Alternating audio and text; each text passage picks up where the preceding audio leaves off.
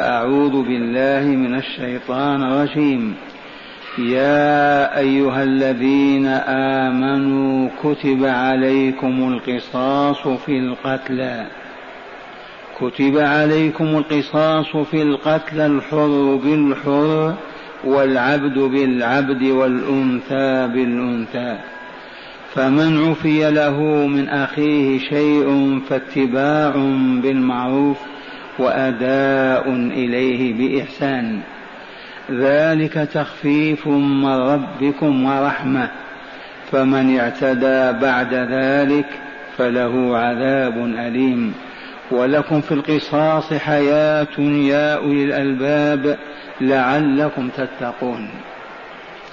معاشر المستمعين والمستمعات أذكركم بما صح عن رسول الله صلى الله عليه وسلم من قوله ما اجتمع قوم في بيت من بيوت الله يتلون كتاب الله ويتدارسونه بينهم إلا نزلت عليهم السكينة وغشيتهم الرحمة وحفتهم الملائكة وذكرهم الله في من عنده. كما أذكركم بفضيلة أخرى هي لكم بإذن الله. وهي قوله صلى الله عليه وسلم من أتى هذا المسجد لا يأتيه إلا لخير يعلمه أو يتعلمه كان كالمجاهد في سبيل الله. الحمد لله.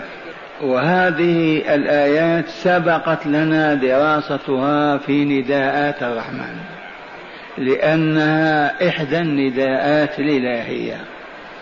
ولا بأس بتكرارها إذ الشيء إذا تكرر تقرر. بهذا قال أهل العلم. فهيا إلى شرح هذه المفردات المباركة. قوله كتب عليكم القصاص من الذي كتب؟ الله جل جلاله. وهذا الكتب بمعنى الفرض وكتب في أي كتاب؟ كتاب القرآن وكتاب المقادير اللوح المحفوظ. إذ القرآن مكتوب في اللوح المحفوظ. واذكروا قول الله تعالى وإنه لقرآن مجيد في لوح محفوظ. ونزل في ليلة القدر. واستمر نزوله ثلاثة وعشرين سنة. كتب عليكم القصاص قال كتب فرض والقصاص إذا لم يرضى ولي الدم بالدية ولم يعفو. أما إذا رضي ولي الدم بالدية أو بالعفو فلا قصاص. وقد عرفتم فضيلة هذه الأمة. إذ كان القصاص مفروضا على بني إسرائيل ولا دي ولا عفو. لو قال المقتول له وليه آخذ دية لم يقبل الحاكم بذلك. لو قال نعفو لوجه الله لم يقبل الحاكم بذلك. وذلك لحكمة علمتموها. أن القوم قست قلوبهم وتمردوا على شرع الله وفسقوا على أوامره فلما غلظوا أغلظ الله الحكم عليهم تأديبا وتربية. وأن النصارى من عهد عيسى عليه السلام واستقلوا أيضا بديانتهم فرض الله تعالى عليهم العفو. لا قصاص ولا دية من صفعك على خدك الأيمن فأدر له خدك الأيسر. وهذه الأمة أمة الوسط وهي في الحقيقة البشرية كلها. وإنما من أجاب أصبح من أمة الإجابة ومن أعرض أصبح من أمة الكفر والعياذ بالله. والكل نزل القرآن لهم وبعث الرسول صلى الله عليه وسلم فيهم ولهم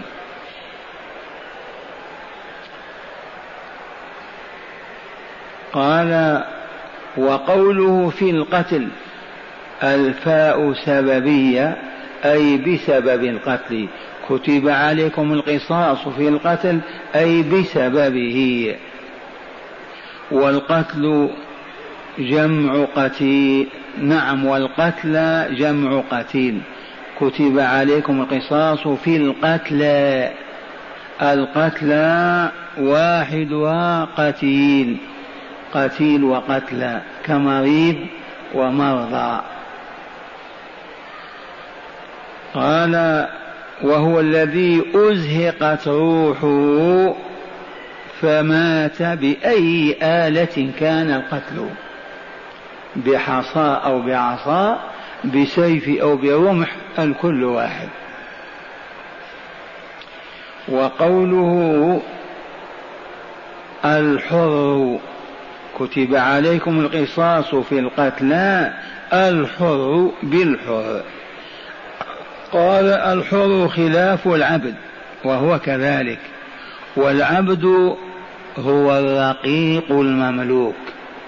العبد كلنا عبد الله. ولكن فيما تعارفت عليه البشرية في أن العبد من ملك وتصرف فيه ولملكه عوامل وأسباب. أظهرها أن الحرب إذا أعلنت وانتصر فريق على آخر أسراهم من الذراري والنساء والأطفال يسترقون. فإذا ما استرقوا ووزعوا على المجاهدين أو المقاتلين يصبح كل واحد مالكا لعدد من أولئك العبيد. جاء الإسلام والحال هكذا في العالم بأسره. فلم يشأ الله أن يبطله راسا على عقب وفورا لما في ذلك من تبعات ومسؤوليات وقضايا قد لا يتمكن ولاة المسلمين من تنفيذها. لكنه عمل على تحرير الأرقاء. واذكروا أن من قال لا إله إلا الله وحده لا شريك له له الملك وله الحمد وهو على كل شيء قدير مئة مرة حين يصبح كان له كعدل عشر رقاب. معناه في الترغيب في تحرير العباد المسترقين. واذكر لذلك أن من حلف بالله لا أعطيك أو بالله لا أعطينك وحنت عليه كفارة بما يكفر هذا الذنب الذي علق بنفسه. وسبب الذنب هو أنه ناسي أو غافل أنه لا يملك أن يعطي ولا يأخذ. أنفاسه مملوكة لله. من أين لك القدرة على أن تفعل ولا تفعل؟ أتملك ذلك أنت؟ المفروض أن تقول إن شاء الله أو إلا أن يشاء الله. فإذا ما قلت هذا وتجاهلت وقلت والله لأفعلن ثم عجزت. تعلق بك إثم لا يمحى ولا يزول أثره. إلا بما حدد الشارع وعين. إذا فمن حنث فليكفر أولا بعتق رقبة. فإن لم يجد فبصيام فبإطعام عشرة مساكين أو كسوتهم. فإن عجز صام ثلاثة أيام. في دعوة إلى تحرير العبيد ولا لا؟ ومن ظاهر من امرأته وقال أنت علي كأمي أو كأختي عليه كفارة. لما لأنه كذب لأنه حرم ما أحل الله. كيف تكون كأمك أو كأختك؟ تعلق به إثم عظيم. بما يزول هذا الإثم؟ بالتوبة ما تنفع هنا. شاء الله أن يكون المزيل لهذا الأثر هو أن تعتق رقبة وتحررها لتعبد الله عز وجل. فإن عجزت فصيام شهرين متتابعين. فإن عجزت فإطعام ستين مسكينا. هذا من عوامل تحرير العباد ولا لا؟ إذا والشاهد عندنا في اصطفاء الله لهذه الأمة وتفضيله لها عن غيرها من الأمم. ومن ذلك هذه التي نعالجها وهي القصاص. الحر خلاف العبد والعبد هو الرقيق المملوك. وقوله تعالى فمن عفي له من أخيه شيء. هناك لطيفة في كلمة من أخيه. هل هو أخو ابن أخيه ابن أبيه أو ابن أمه؟ هذه أخوة الإسلام. والسر فيها أن الكافر لا يقتل بالمؤمن. ليس بأخينا الكافر. حتى إذا قتلنا نقتله نقتل بسببه. وهذا الذي عليه جماهير العلماء والأئمة من الصحابة والتابعين لقول الرسول صلى الله عليه وسلم المسلمون تتكافأ دماؤهم. المسلمون. ثم قال ولا يقتل مسلم بكافر. لو قاتل مسلم كافرا من أي جنس هل يقتل هذا المسلم؟ الجواب لا. لأن دمه لا يتكافى مع دم المؤمن. والسر وراء ذلك هو أن هذا المسلم لما أبقي على حياته, حياته يبقى يذكر الله ويشكره والذكر والشكر سر الحياة كلها ووجودها. فإذا قتلناه عطلنا هذا الخير.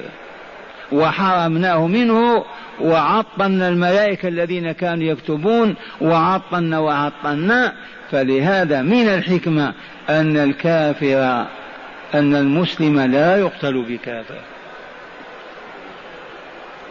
لا يقتل المسلم بكافر. ما السر في هذا؟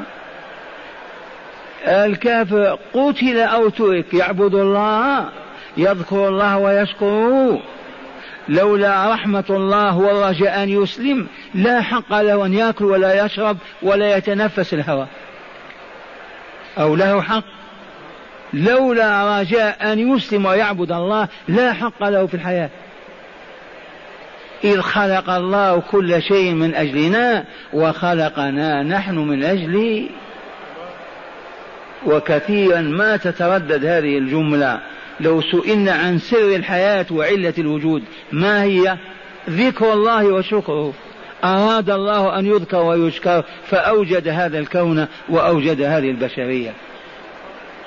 فمن عطل ذكر الله وشكر الله فكفر بالله ونسيه لا حق له في الحياة. لما يأكل ويشرب. أو هناك سر غير هذا؟ والله لا وجود له فيما نعلم. فمن هنا هذه اللطيفة في الآية فمن عفي له من أخيه أي في الإسلام والإيمان. أما إذا كان ليس بأخ لا قصاص. قال فمن تنازل له ولي الدم عن القود إلى الدية أو العفو فمن عفي له من أخيه شيء. معنى هذا قال فمن تنازل له ولي الدم. ما معنى ولي الدم؟ إذا قتل أخوك أنت ولي الدم قتل عمك أنت ولي الدم. فمن تنازل ولي الدم عن القود وقال لا أقتادك إلى المجزرة حيث قصاص. تنازل عن القود إلى الدية أو العفو. عفونا عنك عبد الله والأجر لنا ولك. أو أعطونا المبلغ الذي أعطانا الله. إذا فاتباع بالمعروف. فالواجب أن تكون مطالبة الدية بالمعروف أي بالرفق واللين والأدب. وأداء إليه بإحسان وأن يكون أداء الدية أيضا بإحسان خاليا من المماطلة والنقص وما إلى ذلك. هذه تعاليم ربانية وإلا؟ هذا هو الأدب الإلهي. الله يؤدب عباده في هذا الكتاب وعلى لسان من أنزل عليه هذا الكتاب. فمن عفي له من أخيه المؤمن شيء. تنازل عن القصاص عن القود ورضي بالدية. فيا من وجبت عليك الدية تأدب عند أدائها. لا تماطل لا تنقص منها لا تأتي بأشياء غير سليمة. كالإبل مئة بعير يأتي ببعض الأبعير المريضة وإلا ما تساوي شيئا. وأنت أيها المطالب بالدية وقد عفوت ورضيت بالدية. أيضا اطلبها بالتي هي أحسن. لا تعنف و و وتؤذي هذا المؤمن. وقد عفوت عنه هذه الآداب أين توجد في غير القرآن العظيم؟ والمسلمون عنه معرضون. قال وقوله تعالى ذلك أي ما سمعتم من الأحكام تخفيف من ربكم. أي ذلك الحكم العادل الرحيم وهو جواز أخذ الدية بدلا من القصاص. هذا تخفيف عنكم من ربكم إذ كان في شرع من قبلكم القصاص فقط أو الدية فقط وأنتم مخيرون بين العفو والدية والقصاص. أي توسيع أعظم من هذه؟ قولوا الحمد لله. الحمد لله. وقوله تعالى فمن اعتدى بعد ذلك فمن اعتدى بعد ذلك. يريد أن من أخذ الدية ثم قتل. تبهتم رجل قتل آخر. أهل القتيل أخذوا الدية. وقالوا نتنازع عن القتل إلى الدية. لما أخذوا الدية قتلوه. اعتدوا وقتلوا قتل فما الحكم؟ قال فمن اعتدى بعد ذلك يريد من أخذ الدية ثم قتل فإنه يتعين قتله لا غير عند بعض أهل العلم. قال اختلف في من قتل بعد أخذ الدية. فقال مالك والشافعي وكثير من العلماء هو كمن قتل ابتداء إن شاء الولي قتله وإن شاء عفى عنه وعذابه في الآخرة. مالك الشافعي قال هذا كالذي قتل ابتداء. أولياء المقتول مخيرون. إن شاءوا عفوا وإن شاءوا قتلوا وإن شاءوا أخذوا الدية وهذا مذهب الجمهور في هذه القضية. وقال آخرون عذابه أن يقتل ولا يمكن الحاكم الولي من العفو. القاضي لو قال ولي الدم أنا عفوت قال لا لا بد من يقتل. من أجل هذه الجرأة والوقاحة. يقبل الدية وبعد ذلك ينتقم ويقتل. وقال عمر بن عبد العزيز رضي الله. تعرفون عن عمر بن عبد العزيز هذا؟ هذا كان أميرا في المدينة. كان أميرا في المدينة وجاء الحرب في مثل هذه الأيام ومولاه يروع عليه حتى ينام. إذ ما في حيلة. المرأة تروي على زوجها الولد على والد الصديق على صديقه العبد على مولاه. يروي عليه فأخذه النعاس فنام أيضا العبد.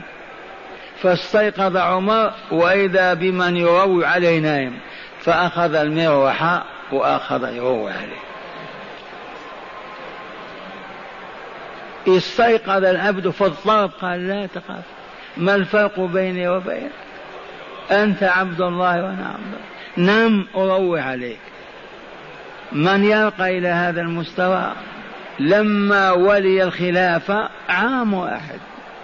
كان واليا لعمه الخليفة في الشام لما ولي الخلافة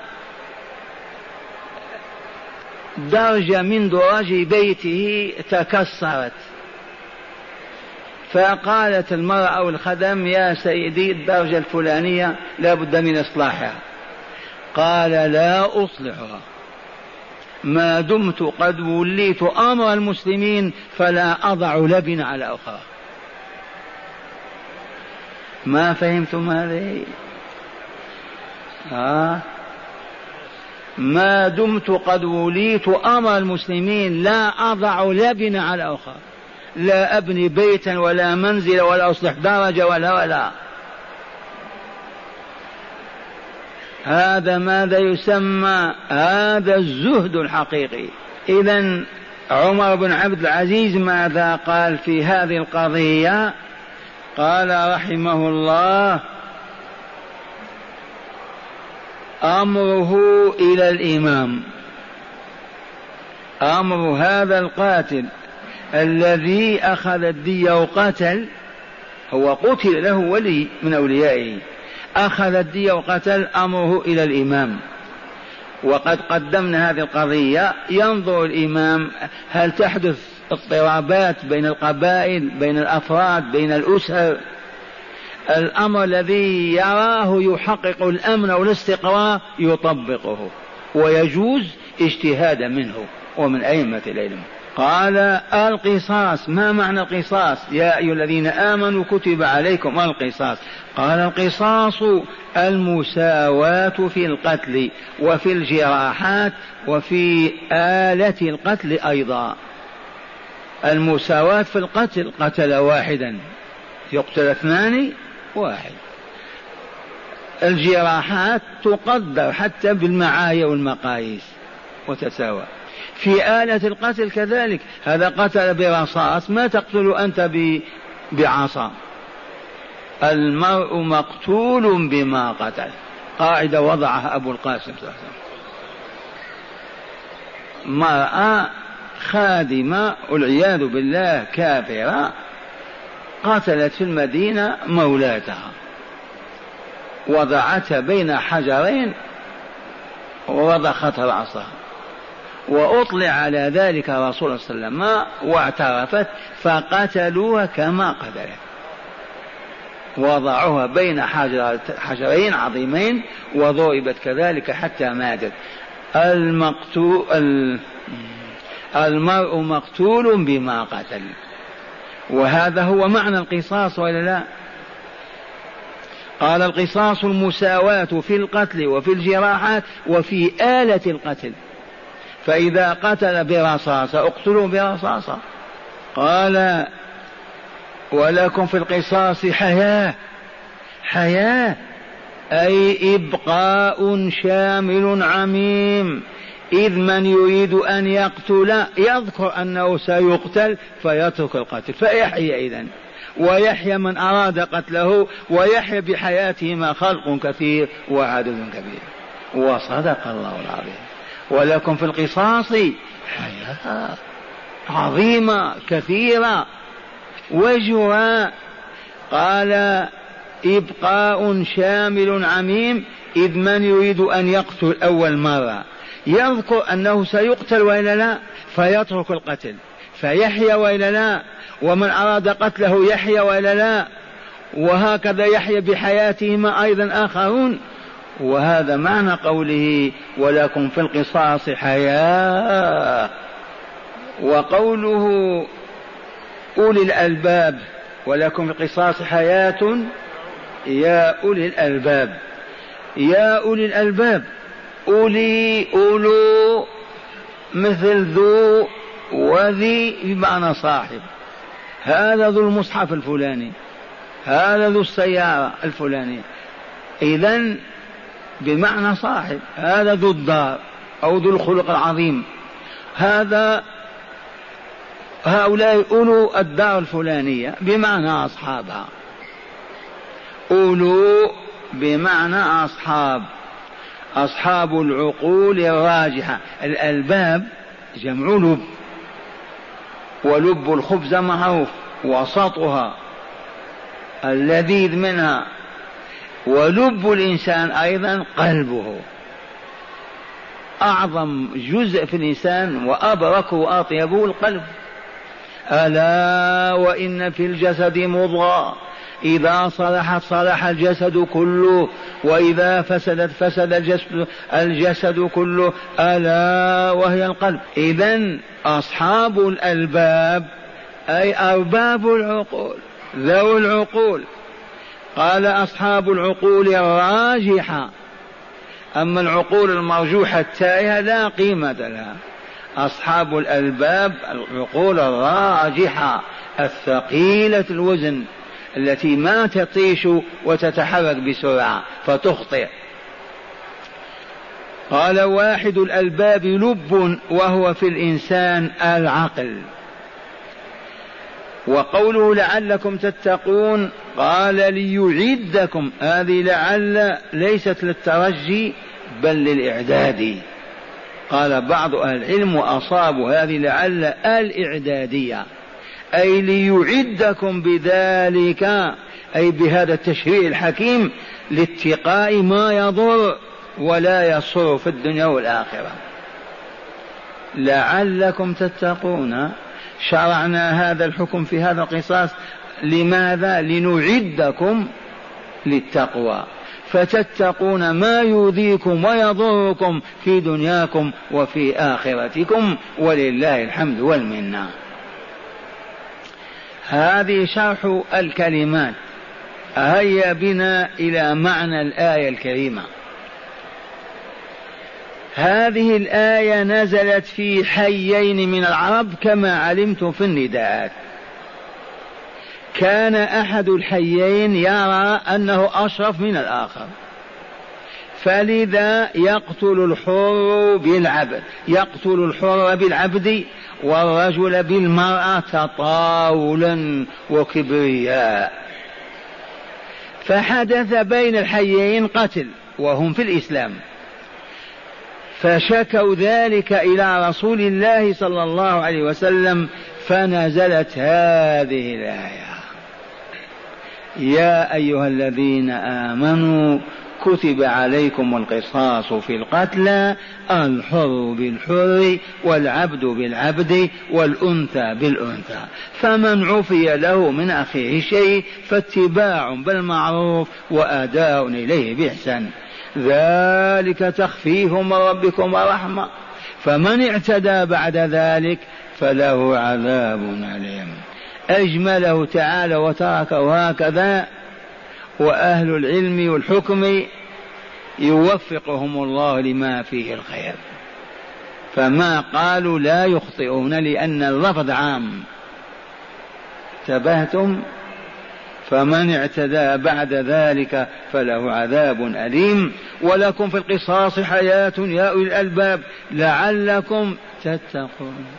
ليعدكم بذلك إلى التقوى. نتقي ماذا؟ البلاء والشقاء الخسران والعذاب في الدنيا والآخرة. قال هذه الآية نزلت في حيين من العرب كجهين وحرب مثلا.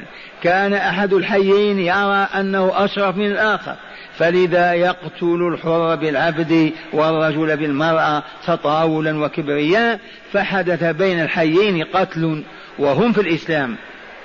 فشكوا ذلك إلى رسول الله صلى الله عليه وسلم فنزلت هذه الآية تبطل ذحل الجاهلية وتقرر مبدأ العدل.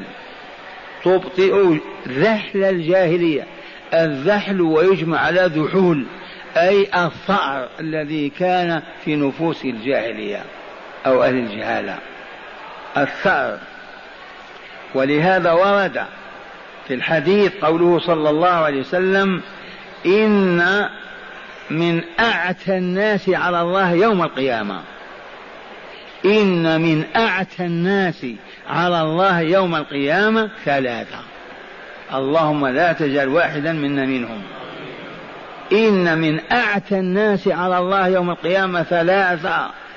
رجل قتل غير قاتله.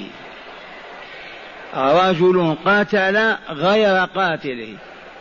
قتل ابن عمه أو أباه أخاه الذي قتل. رجل قتل غير قاتله. ورجل قتل في الحرم. في حرم مكة أو المدينة. ورجل أخذ بذحول الجاهلية جمع ذهب بعاداتها الباطلة من الثأر إلى غير ذلك. إذا عرفتم هؤلاء الثلاثة؟ رجل قتل غير قاتله ورجل قتل في الحرم. ورجل قتل أخذ بذحول الجاهلية. ترك الإسلام الله أكبر. هكذا. إذا نطوي الكتاب. العرب المسلمون اليوم كلهم من أعتى الناس الله يوم القيامة. يطبقون شرائع الغابات. لا قصاص أبدا يعرفونه. والله ما انتبهت إلى الآن. ودرستها وكررتها رجل أخذ بذحول الجاهلية فالآن العالم الإسلامي من أندونيسيا إلى موريتانيا لا يطبق شريعة الله ويأخذ بقوانين الشرق والغرب وهم أجهل الجاهليين. لا إله إلا الله. لو يعرفها مؤمن يغمى عليه أو يهرب من الحكم. ولا يقبله. إن من أعتى الناس على الله يوم القيامة ثلاثة. رجل قتل غير قاتل ورجل قتل في الحرم. أريد نقف قتل في الحرم. ونحن نسمع فلان قتل فلانة قتلت في الحرم. ورجل أخذ بذحول الجاهلية. أعاذنا الله وإياكم منهم. قال فقال تعالى يا أيها الذين آمنوا كتب عليكم القصاص في القتلى الحر بالحر والعبد بالعبد والأنثى بالأنثى فلا يقتل بالرجل رجلان ولا بالمرأة رجل ولا امرأتان ولا بالعبد حر ولا عبدان. فمن تنازل له أخوه أخوه. ابن أبيه يعني أخوه في الإسلام. فمن تنازل أخوه وهو ولي الدام عن القصاص إلى الدية أو العفو مطلقا فليتبع ذلك ولا يقل لا أقبل إلا القصاص بل عليه أن يقبل ما عفى عنه أخوه.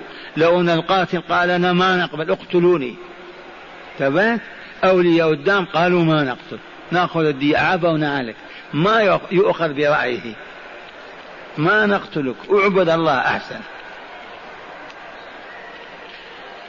قال ولا يقول لا أقبل إلا القصاص بل عليه أن يقبل ما عفى عنه أخوه له من قصاص أو دية أو عفو. وليطلب ولي الدم الدية بالرفق والأدب. وليؤدي القاتل الدية بإحسان بحيث لا يماطل ولا ينقص منها شيئا. هذا كله تقرر عندنا وإلا لا زادنا الله واياكم علما. قال فمن تنازل له أخوه وهو ولي الدام عن القصاص إلى الدية أو العفو مطلقا فليتبع ذلك ولا يقل لا أقبل إلا القصاص. بل عليه أن يقبل ما عفى عنه أخوه له من قصاص أو دية أو عفو وليطلب ولي الدام الدية بالرفق والأدب وليؤدي القاتل الدية بالإحسان أيضا بحيث لا يماطل ولا ينقص منها شيئا. ثم ذكر تعالى منته ونعمته على المسلمين ولله الحمد والمنة حيث وسع عليهم في هذه المسألة فجعل ولي الدام مخيرا بين ثلاثة العفو أو الدية أو القود أي القصاص. في حين أن اليهود كان مفروضا عليهم القصاص فقط والنصارى الدية فقط. كما علمتم قال وأخبر تعالى بحكم آخر في هذه القضية وهو أن من الق... أن من أخذ الدية وعفى عن القتل ثم تراجع وقتل فقال فمن اعتدى بعد ذلك فله عذاب أليم. واختلف في هذا العذاب الأليم هل هو عذاب الدنيا بالقتل أو عذاب الآخرة؟ ومن هنا قال مالك والشافعي حكم هذا المعتدي كحكم القتل القاتل ابتداء. إن عفي عنه قبل وإن طلب بالقواد أو الديات وقال آخرون ترد منه الدية التي أخذها ترد منه الدية ويترك لأمر الله. أعطنا الدية واذهب. نتركك لله عز وجل. وقال عمر بن عبد العزيز رحمه الله يرد أمره إلى الإمام يحكم فيه بما يحقق المصلحة العامة. ثم أخبر تعالى أن في القصاص الذي شرع لنا وكتبه علينا مع التخفيف في حياة عظيمة لما فيه من الكف عن إزهاق الأرواح وسفك الدماء. فقال تعالى ولكم في القصاص حياة يا أولي الألباب لعلكم تتقون. واضح معنى الآيات وإلا لا؟ لو كنا درسنا القرآن هكذا ما بقي مؤمن غير عالم. قال هداية الآيات الكريمة. كل آية فيها هداية تحملها وإلا لا؟ كل لقمة فيها مادة مغذية. قال من هداية الآية الكريمة أولا حكم القصاص في الإسلام وهو المساواة والمماثلة. فيقتل الرجل بالرجل والمرأة بالمرأة والمرأة بالرجل والرجل بالمرأة. ويقتل القاتل بما قتل به مماثلة. السكين بالسكين كما علمتم والرصاص بالرصاص. لقول الرسول صلى الله عليه وسلم المرء مقتول بما قتل به. ولما كان العبد مقوما بالمال فإنه لا يقتل به الحر. وهذا عرفناه وتقرر عندنا لأن العبد إذا قتل حرا لأن الحر إذا قتل العبد العبد هذا يباع في السوق وقيمته معروفة ستون سبعون ألف. إذا يعطى هذا المبلغ لمولاه وسيده ينتفع به ولا يقتل هذا. العبد تباتم وهذا الذي عليه الجمهور. وذهب أبو حنيفة رحمه الله إلى أن الحر العبد يقتل بالحر. والحر يقتل بالعبد فخالف الجمهور. قال وعليه الأئمة الثلاثة مالك والشافعي وأحمد وخالف أبو حنيفة رحمه الله فرأى القود فيقتل الحر بالعبد أخذا بظاهر الآية أو بآية المائدة النفس بالنفس. وقد تقدم لنا أن هذا أيضا قد يوكل إلى إمام المسلمين. ينظر ماذا يترتب على هذه القضية فيختار ما يحقق الأمن والاستقرار للمسلمين. ثالثا قال بلاغة القرآن الكريم. أه؟ ثانيا أحسنت. قال ثانيا محاسن الشرع الإسلامي وما فيه من اليسر والرحمة حيث أجاز العفو والدية بدل القصاص. والإحسان في الشريعة الإسلامية. ثالثا وأخيرا بلاغة القرآن الكريم. كيف وجه ذلك؟ إذ كان حكماء العرب في الجاهلية يقولون القتل أنفى للقتل حكماء العرب في الجاهلية أطلقوا هذه الحكمة وقالوا القتل أنفى للقتل ما معنى القتل أنفى للقتل إذا قتل اقتلوه. هذا يجعل حد للقتل. القتل أنفى للقتل ماذا قال القرآن الكريم؟ ولكم في القصاص حياة ما ذكر القتل ولا؟ لأن لفظ القتل مزعج. ولكم في القصاص حياة فلم يذكر لفظ القتل بالمرة. فنفاه لفظا وواقعا.